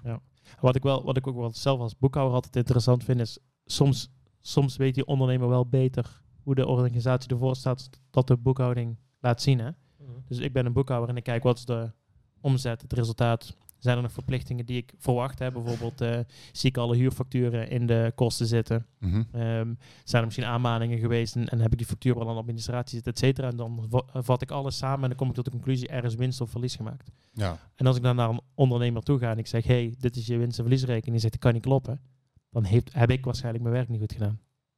Het is vaker zo dat als ik zeg, hey, mijn cijfers zijn, eh, je, je hebt zoveel winst gemaakt, zegt, dat kan niet, moet, moet meer zijn. Dat er iets zeg maar in de boekhouding toch niet, hè, dan is, of, of hij heeft, nou ja, weet je, de waarde ligt natuurlijk altijd in, in het midden. Maar Mhm. dan, dan is het waarschijnlijk, oké, er ligt wat meer op voorraad, terwijl we het op de kosten hebben geboekt. Hè. Er is nog een project waar we nog een factuur van moeten sturen, die, die ik niet wist dat die gestuurd werd, snap je? Ja. Maar dan ga je wel, zo'n ondernemer weet heel vaak best wel goed of zo'n organisatie goed loopt of niet. Ik ben Toch wel? Ja, dat wel. Maar de, de, hoe goed en wat voor impact het dan heeft op de cashflow, dat, dat meestal minder. Dus ze denken, hey, ik heb heel veel winst gemaakt, dus ik heb ook geld over. Maar heel vaak ja, is daar, het... daar gaat het heel vaak Bij vaak is het, nee, Daar heb wow, gewoon je op hebt al cash, cash, daar Ja. gaat het zo vaak mis. Hè. Debiteuren staan al op de bank. Dat is echt bij veel ondernemers. Ja. Een debiteur hebben al betaald. En BTW, en BTW Ja, wat ik hoofd, in... Ja. Ja. En BTW wat ik in, dat kan ik gewoon uitgeven, dat is mijn geld. Ja. En de inkomstenbelasting, die hoef ik niet te betalen. Dat is ongeveer, dat is ongeveer de, de prognose van de... Dat herken ik wel. Ja. En, en ja, dat, dat de Belastingdienst eh, wordt gezien, ja, die, die kan ik makkelijk uitstellen, want daar zijn regels voor. Ja. Dat, eh, dat zie ik ook al vaak. Eh, en wel grappig dat jullie ook echt, zeg maar, dat de cash, dat dat ook herkennen, want dat herken ik ook. Mhm. Heel vaak is een van de eerste dingen die wij vragen aan eh, zeg maar bedrijven in moeilijkheden, bestuurders daarvan, is oké, geef ons een cashflow-analyse, Ja. liquiditeitsprognose. En laat zien aan de hand van ja, redelijke eh, voorspellingen, in ieder geval kijk maar een paar maanden terug en kijk wat er nog aan, aan, aan projecten ligt. En voorspel waar gaat het dan wellicht echt fout. Mhm. En het, het- ja, best wel vaak dan, eh, dan moet je daar keer op keer om vragen. En dan ook zeggen van ja, luister, ik kan niet zeggen eh, welke je factuur je wel of niet waarschijnlijk kunt betalen.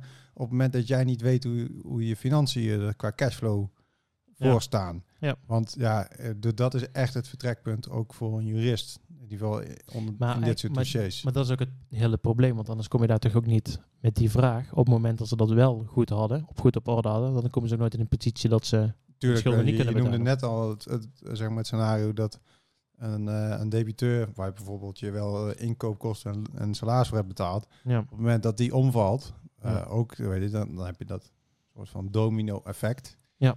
Dus nee, het kan helemaal zijn dat jij niks verkeerd hebt gedaan, precies weet hoe je financiën ervoor staan, wel overwogen risico's hebt genomen en dan kun je toch failliet gaan. Dus eh, Ja, daar ben ik het mee eens. Dat, dat bedoelde ik niet te zeggen. oké, Ik bedoel, ik bedoel dat zeg ik op het moment dat je bij een organisatie komt die vol in de running is en die over het algemeen niet bezig is met zeg maar cash planning. Van Ja. kan ik dit wel kopen? Hey, we, hebben we hebben een nieuw project gewonnen. Mhm. Jeu. Maar mijn boekhouder die begint al een beetje te wiebelen op zijn stoel zo van ja maar wacht even, dan moeten we wel weer inkopen en we hebben nog zoveel te betalen. ja. Als je dan gewoon als een struisvogel doorgaat Oh zo, en, nee, en dan eh, gewoon ja maar winst is goed en uiteindelijk ja, kom je aan van ja je hebt winst, maar ik zit hier toch, wat is er aan de hand? Ja, eh, weet ik niet, want ik heb wel winst gemaakt. Ja, was je cashvermogen? Ja, dat moet je bij mijn boekhouder dat, wezen. Moet je mijn boekhouder wezen. Moet je bij mijn boekhouder wezen. Dat is een mooi bruggetje, denk ik, dan eh, naar het volgende. Want dat is een zinnetje, eh, dat horen wij in heel veel visementen, zeg maar vanuit de curatorenpositie. Dan, eh, want, Dat jij de curator bent vanuit die positie. nou, ik ben dan geen, zelf niet curator, ik ben dan Mhm. een collega van een curator. Maar dan Mhm. vragen we allemaal informatie op bij, ja, zeg maar bij het bestuur of bij de financiële man van een onderneming. Eh, nou, bij, dan is trouwens dat niet zo vaak aan de orde, maar bij de bestuurder. En de bestuurder zegt gewoon bij alles wat met getalletjes te maken heeft, moet je bij mijn boekhouder zijn. Ja. En ja, om in te haken wat je eerder zei, je moet eigenlijk gewoon weten hoe de vlag ervoor hangt. Ja. Eh, en ja, daar ben ik het echt helemaal mee eens. Je kunt niet de, het financiële rijden en zeilen van je onderneming delegeren aan je boekhouder. Dat kan in mijn optiek gewoon nooit. Nee. Dus je kan de registratie wel delegeren. Precies. daar houdt het ongeveer bij op. optimaliseren. Misschien. Ehm, en eh, ja, die kan je zeker ondersteunen. Maar ja, wat, ja, het is in ieder geval van belang dat je weet inderdaad wat ongeveer de winst is, wanneer, eh, wat zijn de kerngetallen. Want een van de dingen die de curator gaat doen op de, op de eerste dagen is, zeg maar, de hele administratie opvragen. En ik zeg de hele administratie. Eh, dat is nog steeds best wel vaak eh, het sjouwen met eh, dozen papier. Mhm. Maar dat is ook het opvragen van grootboekkaarten, jaarrekeningen, zeg maar alle. En de Maar hebben, jullie, hebben jullie dan accountants bij jullie op het kantoor werken? Of, of Nee. werken dan samen met een accountant? Want, want ik, ik, heb, ik heb natuurlijk alle vertrouwen in, in curatoren. En ze zullen, ik bedoel, je zal vast en, vast en zeker weten of er iets aan de hand is of niet. Maar er zijn ook specialisten, zeg maar. eh, Ja. of in belastingzaken, de fiscalisten. Of op boekhoudzaken, dus dat zijn de accountants. Ehm, misschien waarderingskwesties. dan heb je weer de, eh, ja, de waarderingsspecialisten. Eh, zou, het, zou het dan niet logisch zijn, misschien, dat er gewoon een, een hardcore accountant altijd op het team zit? Ik dacht ook altijd dat het in de UK eh In de UK niet dat het een is- accountant en een, en een advocaat samen de cu- curator zijn of zo. Ja, dit is alleen maar hearsay in, in, in de kroeg. Hè, dus ik heb, ik heb, Ah. ik heb geen feiten. En Nou, ik, eh, ik ben ook niet eh, gespecialiseerd in UK-recht, maar ik- wat ik heb begrepen is dat, dat daar in principe accountants eh, Ja. curatoren zijn. Ja.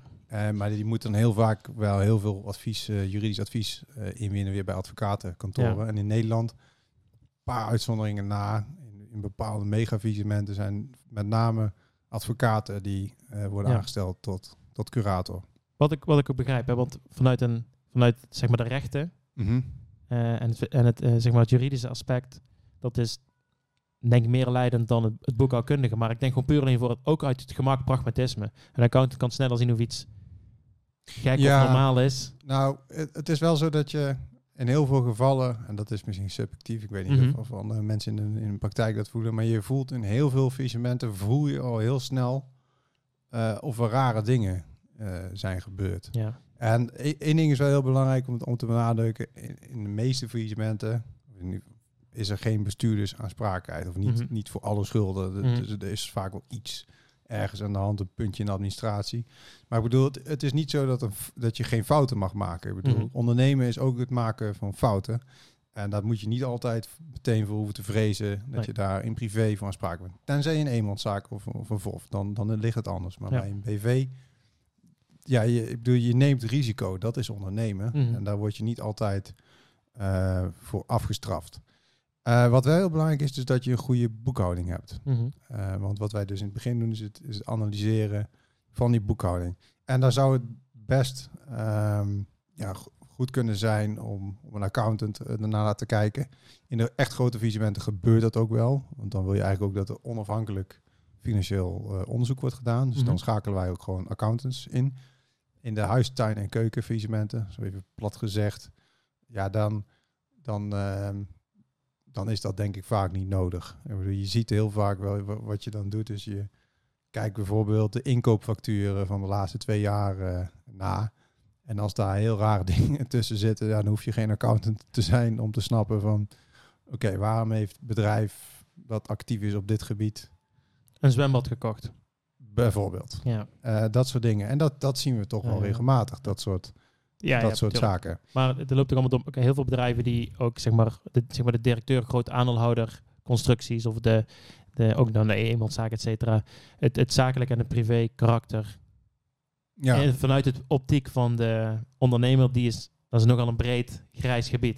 Terwijl het eigenlijk niet zo ja nou, grijs is. Daar, daar benoem je ook iets en daar, daar hoef je dus ook geen, eh, geen account voor te zijn. Je Nee. hebt gewoon in de, je ziet vaak in een jaarrekening of in, in een andere administratie, daar zie je een post, ja, is er vanuit de directie of de aandeelhouder een schuld of eh, op, op de, eh, of heeft de directeur een, eh, een schuld Mhm. aan een vennootschap of heeft hij een vordering? Mhm. En op het moment dat hij een schuld heeft, ja, dus dan heb je geen bestuurders, bestuurdersanspraak nodig. Dan heeft die vennootschap gewoon een vordering. Precies. En ja, en in heel veel gevallen is die vordering zo hoog Die, Dat- precies. dat die toch moeilijk kan worden betaald. Ja, Ja. dus dan gaan wij ook niet heel de administratie. Of ja, de kant zijn we natuurlijk onderzoeken wij dan nog steeds de administratie. Mhm. Maar ja, dan, wordt het, dan ziet het onderzoek er anders uit. Want wat de curator wel probeert te doen, is, is economisch te werk te gaan. En eh, heb je dan ook vaak dat, er, dat die schuld, zeg maar, dat die directeur een schuld heeft bij de, eh, eh, bij het bedrijf, dat, dat, dat die daardoor alsnog in de financiële problemen komt privé? Ja, zeker, heel vaak. Hè? Dus dat Ja. ze eerst denken, oh ik ben slim, ik voorkom even die dividendbelasting. Zeg maar, hè? die paar, wat, is het, wat gaat die 15%, die voorkom ik even. En dan zijn ze toch nog even via de achterdeur. Ja, en dan moeten ze ja. daarna ook nog de dividendbelasting betalen als ze pech hebben. Want dan zegt Ja. de belasting niet, dit is geen zakelijke lening. Precies. Oké. Ehm, maar nee, dat, maar, Ja, die belasting niet zo. Oh, dat zijn ook... eh, nou, nee, dat hoor je mij niet zeggen. Ik bedoel, ja. Nee, dat zeg ik. Eh, dat Oh. zeg, Zeg ik, eh, ik, Max. ja, ja. Dat Ja, zeg ja, zeg jij, ja. Ja, maar goed, eh, ehm, ja, we zien best wel vaak dat, eh, dat zeg maar bestuurders eh, en aandeelhouders ook in de financiële problemen komen in Ja. privé. En wat ook vaak gebeurt is dat eh, de bank die die onderneming heeft gefinancierd, die wil heel vaak een, eh, ja, een incentive Mhm. hebben om ervoor te zorgen dat die eh, bestuurder dus niet zijn handen ervan aftrekt. Dus heel veel bestuurders hebben ook een borgstelling richting de bank. Ja. Om ervoor te zorgen dat ze toch enigszins geprikkeld zijn om, om in beweging te blijven. Ja, ja En, geprikkeld. ja, ik, ik, weet je, ik vind het, ik, als je een ondernemer bent, in het begin neem je wel heel erg veel risico, zeg maar. En dan vraag ik me af of het rendement er wel tegenover staat. Als je kijken, dat startende ondernemers, zeker eenmanszaken voor, die zijn eigenlijk hoofdelijk aansprakelijk voor alle verplichtingen die ze aangaan. Ja. En het rendement staat niet vast. ja. Maar goed, als je, als je wel veel geld verdient, is ook alles voor jou. Dus dat is dan wel weer het, Ja. de- het Ja. voordeel. Ja, dat, dat klopt. Alleen, eh, Even dan eh, misschien nog Hey, even even- een andere vraag had ik eigenlijk. Even naar, ik zit ook een beetje naar de tijd te kijken, Rob. Ik wil- even- ja, dat, wil, wil jij nog één al? Ik wil even een beetje een andere afslag nog maken. da- daar, ik wil heel even nog één punt Ja, teruggaan. Want, want, want Geen ruzie maken, hè? Nee, nee, nee, nee. Dat, eh we hebben hier een convenant liggen. Ja. Nee, nee, het was meer dat... ehm, ik, ik ben vooral benieuwd, want nou dan zit ik een keer met een advocaat aan tafel. ja? En, en ik ben een boekhouder. En hoe vaak hoor je nou van... Dan moet je mijn boekhouder, dat, dan moet je mijn boekhouder vragen. Want je had het net even Ja. over de balans. Dan heb je het over balansposities. Hè? Van, hé, hey, wat is die vordering? Ja, weet ik niet. Ja. Wat is mijn resultaat? Ja, weet ik niet. Wat was die factuur? Moet je mijn boekhouder vragen. ja. Wat, wat kom je nog allemaal mee? Gewoon nieuwsgierig even tegen. Als dat mag voor jou, Bob, hè? Als Ja, zeker. past, Dan heb ik daar nog een klein vraagje die daarop inhaakt. Ja. Ja. Schiet me ook te binnen. Nou, dat maken we echt heel vaak mee. Mhm. eh, dat er wordt verwezen naar de boekhouder. En eh, dat is best lastig, want wat wij in het begin van het faillissement, dan hebben we vaak ook geen, ja, geen geld. Mhm. Eh, en dan moeten wij aan die boekhouder, die vaak dan al eh, rekening heeft die nog open staat. En dat gaat soms om best flinke bedragen. Eh, dan, dan wil je toch voorkomen dat je als curator zeg maar verplicht wordt om, om daarvoor te betalen. Dat je informatie opvraagt Mhm. bij die boekhouder. Nou is er gelukkig sinds een tijdje een, een bepaling in de wet die, ja, die accounts min of meer dwingt om, om dan mee te werken. Om, om administratie eh, die bijvoorbeeld dan ergens in de cloud staat, Mhm. eh, om die toch eh, doorzoekbaar te maken en ervoor te zorgen dat de curator de, in kan. Mhm. Maar het probleem is gewoon, als de bestuurder het echt niet weet, dan, dan moet je soms wel gewoon bij die, eh, ja, bij die accountant dan toch zijn. En, en wat moet ik dan doen als een, als een curator aan mij vraagt van... hey, jij voert administratie voor die klant, geef mij alles. Dan moet ik toch gewoon alles eerst geven? even mij bellen natuurlijk. Nou ja, ik zou wel, als iemand iets aan mij vraagt, dan geef ik het in principe niet. Hè, want ik, ik, ik praat met de klant. Dus Ja. ik geef het aan de klant en de klant mag het doorgeven. Dat zou mijn eerste reflex zijn. Nou Mijn ja, tweede reflex zou zijn, ik bel dat advocaat van, wat ligt hier nou weer op mijn, op mijn, eh, in mijn bureau? ja, Maar ik moet er gewoon meewerken als iemand, als een curator van een bedrijf waar ik de boekhoud- boekhouding van doe. Stel voor dat dat het geval is, hè? in heel veel gevallen wel. Ja, dan, dan, dan moet ik toch gewoon meewerken. In heel veel gevallen wel. Ja. Maar soms, eh, heel vaak is de administratie ook niet bijgewerkt. Schandalig. En Hm. eh, of de boekhouder die heeft een administratiepakket eh, in de cloud staan, waarvoor de boekhouder zelf zichzelf heeft verbonden. Mhm. Ja, ik bedoel, dus eh, dan, dan wordt het al wat moeilijker. Dan kun je zeggen van ja, luister, eh, curator. kijk, ik, ik zit hier mee. Wie gaat dat straks betalen? Ja. en ik ga je nu geen pas klaar oplossing voor, voor aangeven of advies geven wat in alle gevallen werkt. Ehm, maar goed, dan, dan, ja, dan moet je daar iets mee. Dus eh, ja, belangrijk is dan om toch in, overleg te blijven. En soms Mhm. is er ook wel wat, wat mogelijk. Eh, maar dat kan eh, tot, tot moeilijke situaties leiden. Maar Mhm. het uitgangspunt is inderdaad dat, dat de accountant dan vaak eh, stukken moet, moet aanleveren. de boekhouder. De boekhouder, Boekhouder. sorry. De boekhouder. Ja, ik vind zelf wat wel, we hadden het er ook van tevoren even over. Kijk, heel vaak is het de accountant en de boekhouder Ja. wordt dezelfde genoemd, maar de, de boekhouder die voert de administratie. Ja, En in, indien er sprake is van een vrijwillige of wettelijke controle, dan komt de accountant de boeken controleren. En de administratie is de verantwoordelijkheid van de directie. Dat wil ik ook nog even genoemd hebben. Ja. Hè? Dus dat is de directie die verantwoordelijk is, niet de boekhouder. De directie Ja. is verantwoordelijk voor een goede aanstellen van een goede boekhouder, maar de boekhouder is niet verantwoordelijk, die de directie. En de accountant is alleen maar verantwoordelijk voor de controle op. ja, Ja. want misschien is dat, een, je, je geeft aan de, de directie is verantwoordelijk voor de administratie. En dat is Ja. gewoon verankerd in de wet. Ja. En op het moment dat jij als bestuurder geen ordentelijke administratie voert, Mhm. en dat hangt heel erg af eh, hoe groot je onderneming is, hoe die administratie eruit moet zien. Dus, eh, Een beursgenoteerde onderneming heeft Ja. een ander soort administratie dan Ja. een kleine verkoper ergens. Eh, maar op het moment dat je als bestuurder geen administratie kan overleggen aan een curator, dus je kan er niet ja, zeggen, nou hier alsjeblieft, hier heb je wat, wat pdf'jes of een Excel-bestand bij een administratie, dan ben je persoonlijk aansprakelijk. Of tenminste, dat is, dat is wat kort door de bocht. Maar dan heb je als curator een stevige troef Mhm. om te zeggen van ja, jij hebt je taak als bestuurder kennelijk onbehoorlijk vervuld. Mhm. En op het moment dat er geen administratie is, omdat, eh, ja, om wat voor reden dan ook, dan, dan heb je echt een probleem als bestuurder. En ehm, dus wat wij ook wel eens doen, eh, op het moment dat, de dat de accountant eh, zegt ik niet, niet meewerkt, dan zeggen ja, luister bestuurder, is jouw probleem, los het maar op. Mhm. En eh, ja, dat moet je dan als bestuurder oplossen. En dat wordt best lastig als je Precies. Nou ja, weet je, wij, wij zijn zelf boekhouders, dus wij, wij, wij pleiten voor eigen parochie als wij zeggen dat we ook vinden dat de boekhouding gewoon ordentelijk gevoerd moet worden. Nou, zijn we het gewoon helemaal eens. Dat is helemaal helemaal eens. Maar ik, dat, dat, dat, dat haakt ik ook een beetje op. En ik kom ook vaak tegen, weet je wel, dan zijn er van die huistuin- en keukenadministraties. En die doen dan ook nog eh, administrateurs. En die doen dan, denken dan ook nog dat ze ook nog verstand hebben van juridische zaken. Ja. En die gaan dan zich daar ook nog mee bemoeien met eh, wel hoe documentjes en contractjes die van internet afkomen.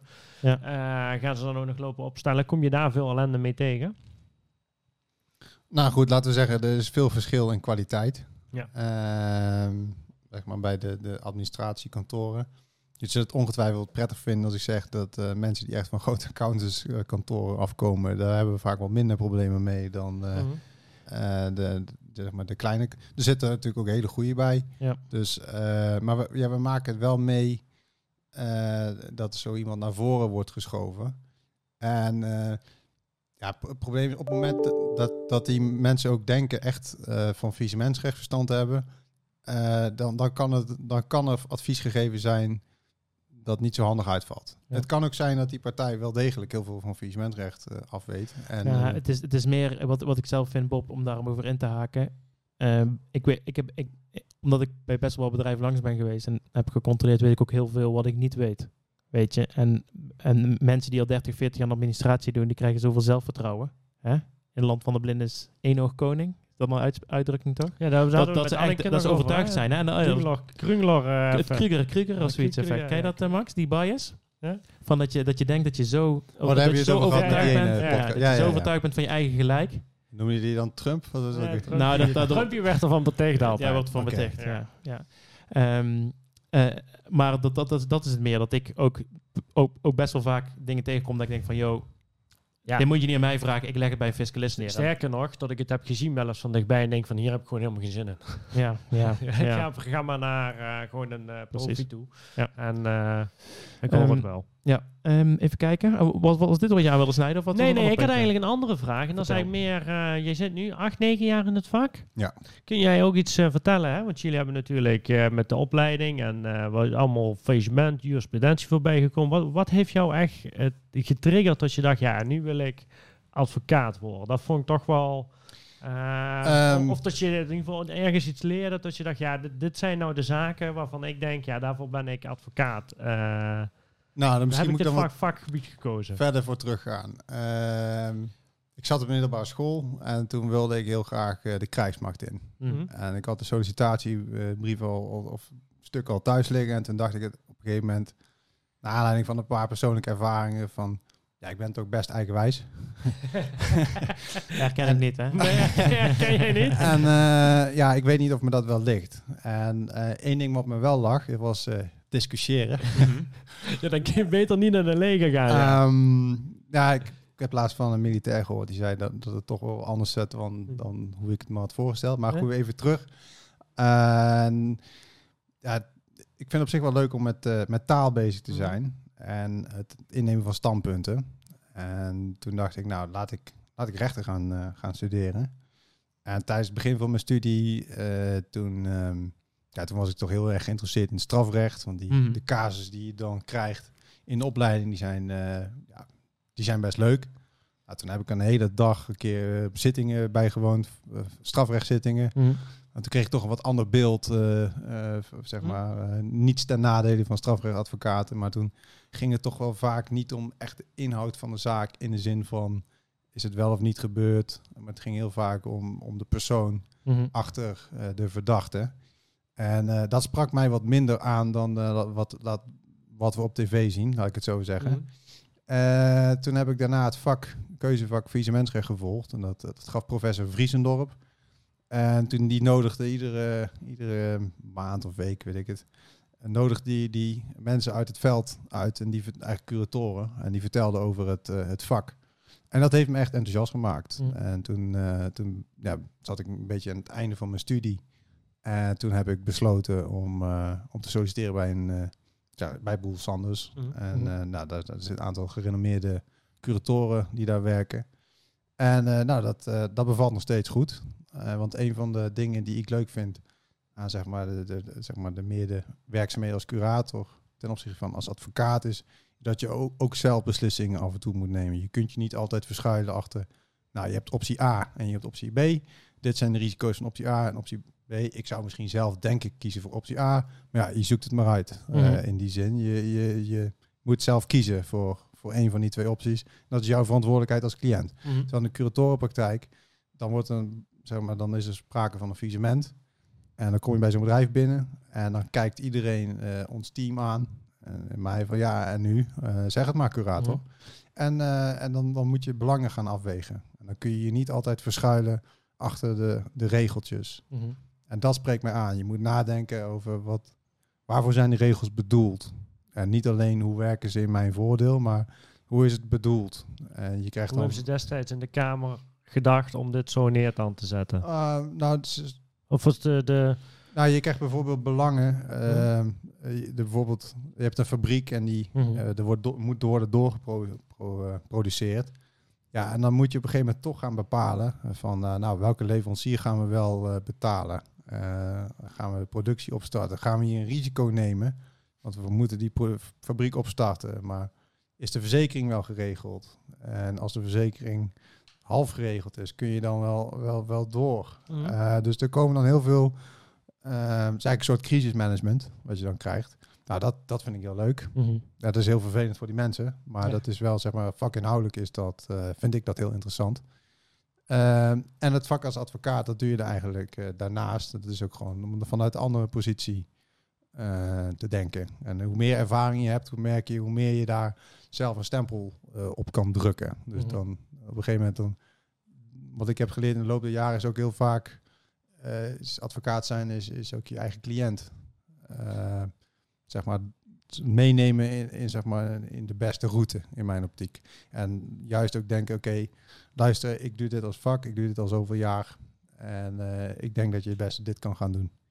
En dan de cliënt eh, zeg maar meenemen in dat verhaal. Bijvoorbeeld als een, zeg maar, die cliënt heeft dan zelf geen ervaring met een faillissement. Mhm. Dus dan, dan kun je dat helemaal toelichten. Oké, dit gaan we nu denk ik doen. Dit zou ik doen in ieder geval. En de cliënt heeft altijd eh, zeg maar het laatste woord. Dus ik, ik bepaal niet voor de cliënt dan. Eh, maar dan sta je zeg maar co- compleet aan de andere, aan de andere kant dan, de curator. Dus dan, ja, daar, daar leer je van. Je hebt ook bijvoorbeeld strafrechtadvocaten die ook in een, ergens anders in Nederland eh, rechters zijn. Zodat ze op verschillende manieren kunnen denken naar dezelfde soort kaas. Mhm.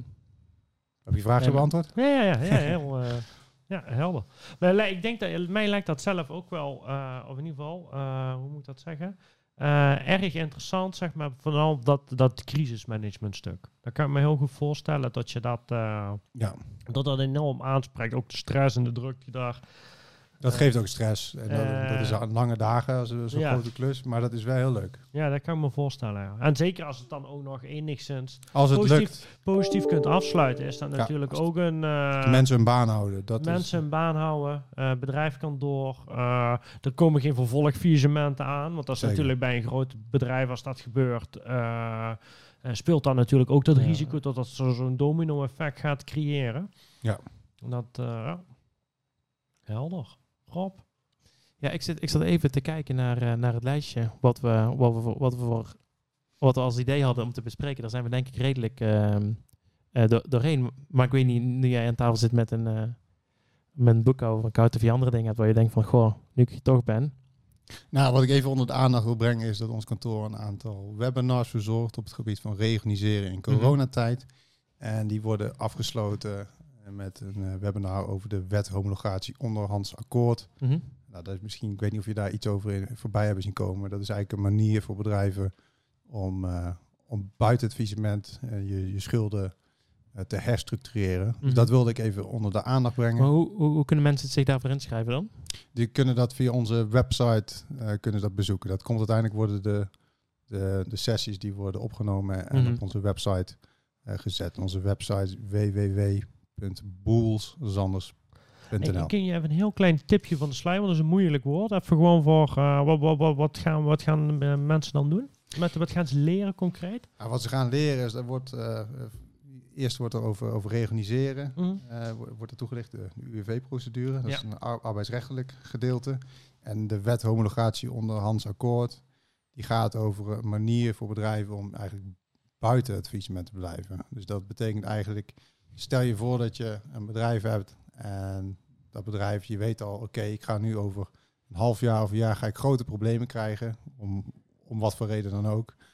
Dan, eh, en je krijgt geen financiering meer rond, dan kan het zijn dat je eigenlijk een deal moet treffen met je verhuurder Mhm. of met, eh, met een grote financier. En ja, dan wil je soms onder bepaalde omstandigheden, kan die partij dwars liggen. En met dat juridische instrument kan er onder toezicht van de rechtbank worden geregeld dat er een soort deal wordt getroffen.